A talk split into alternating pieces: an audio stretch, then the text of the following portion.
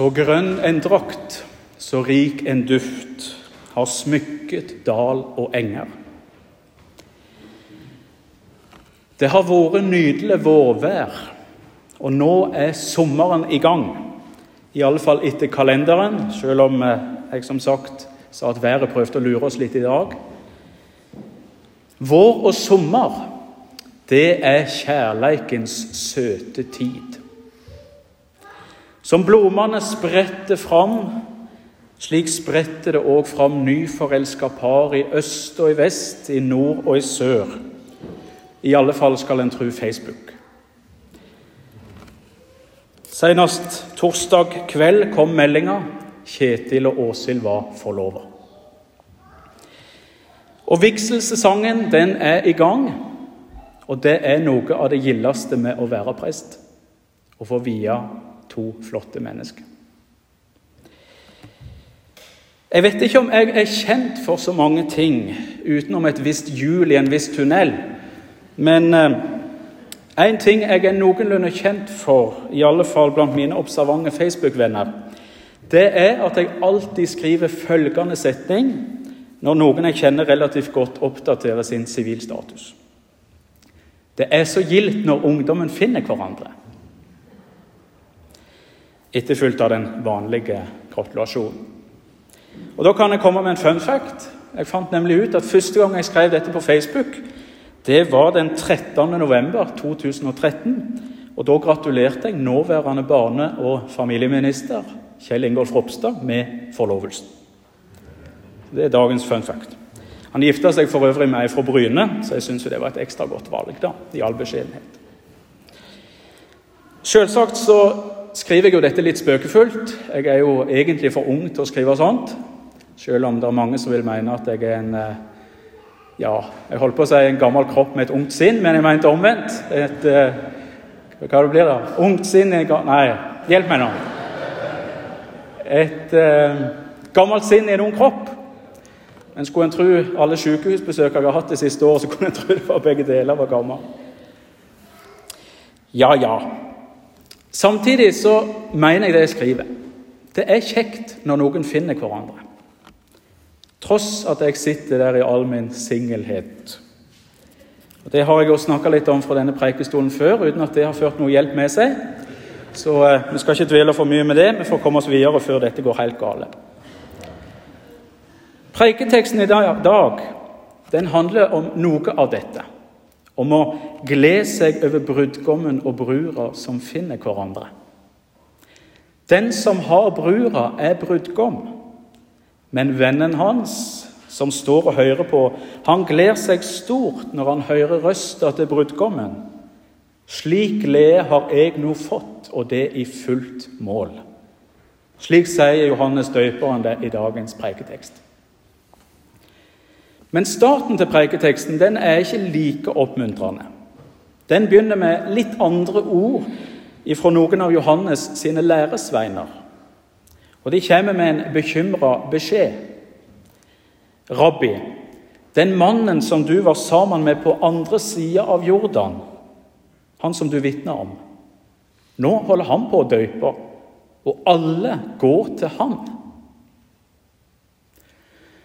Johannes han kunne nok lett ha kjent på dette som en nedtur, som et nederlag.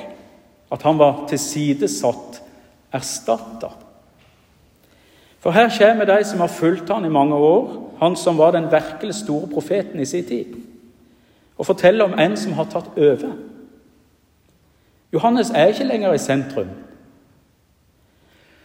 Dikterpresten og martyr, martyren eh, Kai Munch Kanskje noen har hørt om han. Han var en av de store i eh, motstandsbevegelsen i Danmark og ble drept rett før krigen var slutt. Han sier det slik i ei preike over den samme teksten. Man kunne jo tenke seg at Johannes sagde det sådan. Nå ja, det er kun hva der bør skje. Så det må jeg jo se og finne meg i. Sagt med et litt sånn trist tonefall. Men som bibelteksten så fortsetter også Kai Munch på sin preike i 1925. Men sådan kom det slett ikke fra Johannes. Nei, Han sier med den stille glede, ja, en virkelig ekte glede. Så ekte at han tør sammenligne seg med brudgommens venn. Og nå vet vi alle at har brudgommen en virkelig venn, så er han så lykkelig på sin venns vegne på bryllupsdagen. Johannes han var sitt kall bevisst. Han hadde hjertet på rette stedet. Og han minner sine om det han har sagt. Jeg er ikke Messias, men jeg er sendt foran han. Og Kai Munch han sier videre Jesus har jo selv sagt at vi skal sørge med de sørgende og være glade med de glade. Og det er da også riktig hva det er sagt, at sørge med de sørgende, det kan vi nok. Men være glad med de glade, det er mye vanskeligere. Og det er sant vennskapskjennemerke. Jeg tror dette er rett sagt.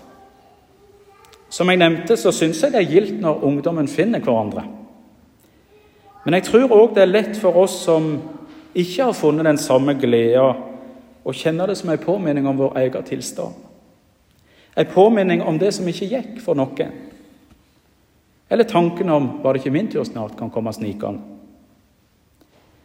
Og så videre. Og det kan gjelde flere ting i våre liv, ikke bare med bryllup. Fokuset på det positive kan lett forsvinne. Og Jeg tror Kai Munch egentlig har litt rett i det han sier, at det er lettere å sørge med de sørgende enn å glede seg med de glade. Men døperen Johannes han gjør det. For hele livet hans har hatt ei oppgave, noe faren hans allerede sang ut da Johannes ble født. Du barn skal kalles profet for den høgste, for du skal gå fram føre Herren og rydde hans veier. Johannes' i oppgave det var å peke på Jesus. Og som han sjøl sier i dagens preiketekst han skal vokse, jeg skal minke. Johannes er brudgommens venn, leser vi. Vi ville kanskje kalt det for en forlover i dag. En forlovers oppgave det er å la brudgommen være i fokus og å legge til rette for brudgommen, og å være et vitne. Forloveren skal ikke sjøl skine eller ta opp unødig plass, men rydde vei for brudgommen, så å si. Og brudgommen i dette tilfellet er Jesus. Et av de bildene som Bibelen bruker for å fortelle oss hva frelse og trua handler om, det er nettopp bildet av brud og brudgom. Både i Det gamle testamentet og i Det nye testamentet er dette bildet godt bevitna. For mannfolk har det vært litt krevende akkurat dette, å skulle være Kristi brud. Men slik er det. Kyrkja er brud, og Kristus er brudgommen.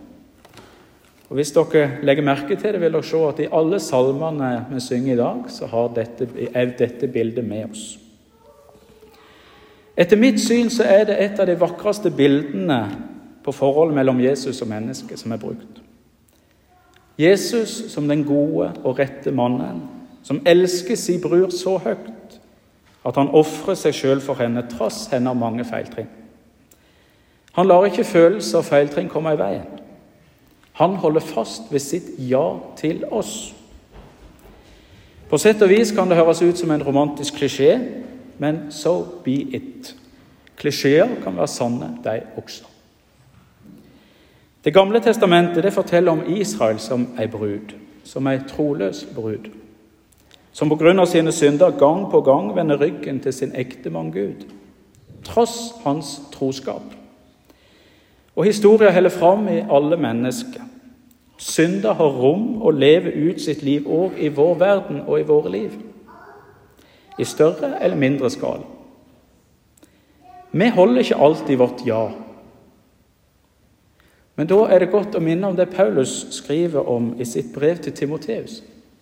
Der står det slik Er vi truløse, så er han ennå trufast, for han kan ikke fornekte seg sjøl. I Jesus har vi en brudgom som aldri svikter, sjøl om vi er det. Han gir oss alltid nye sjanser. Han reiser oss alltid opp.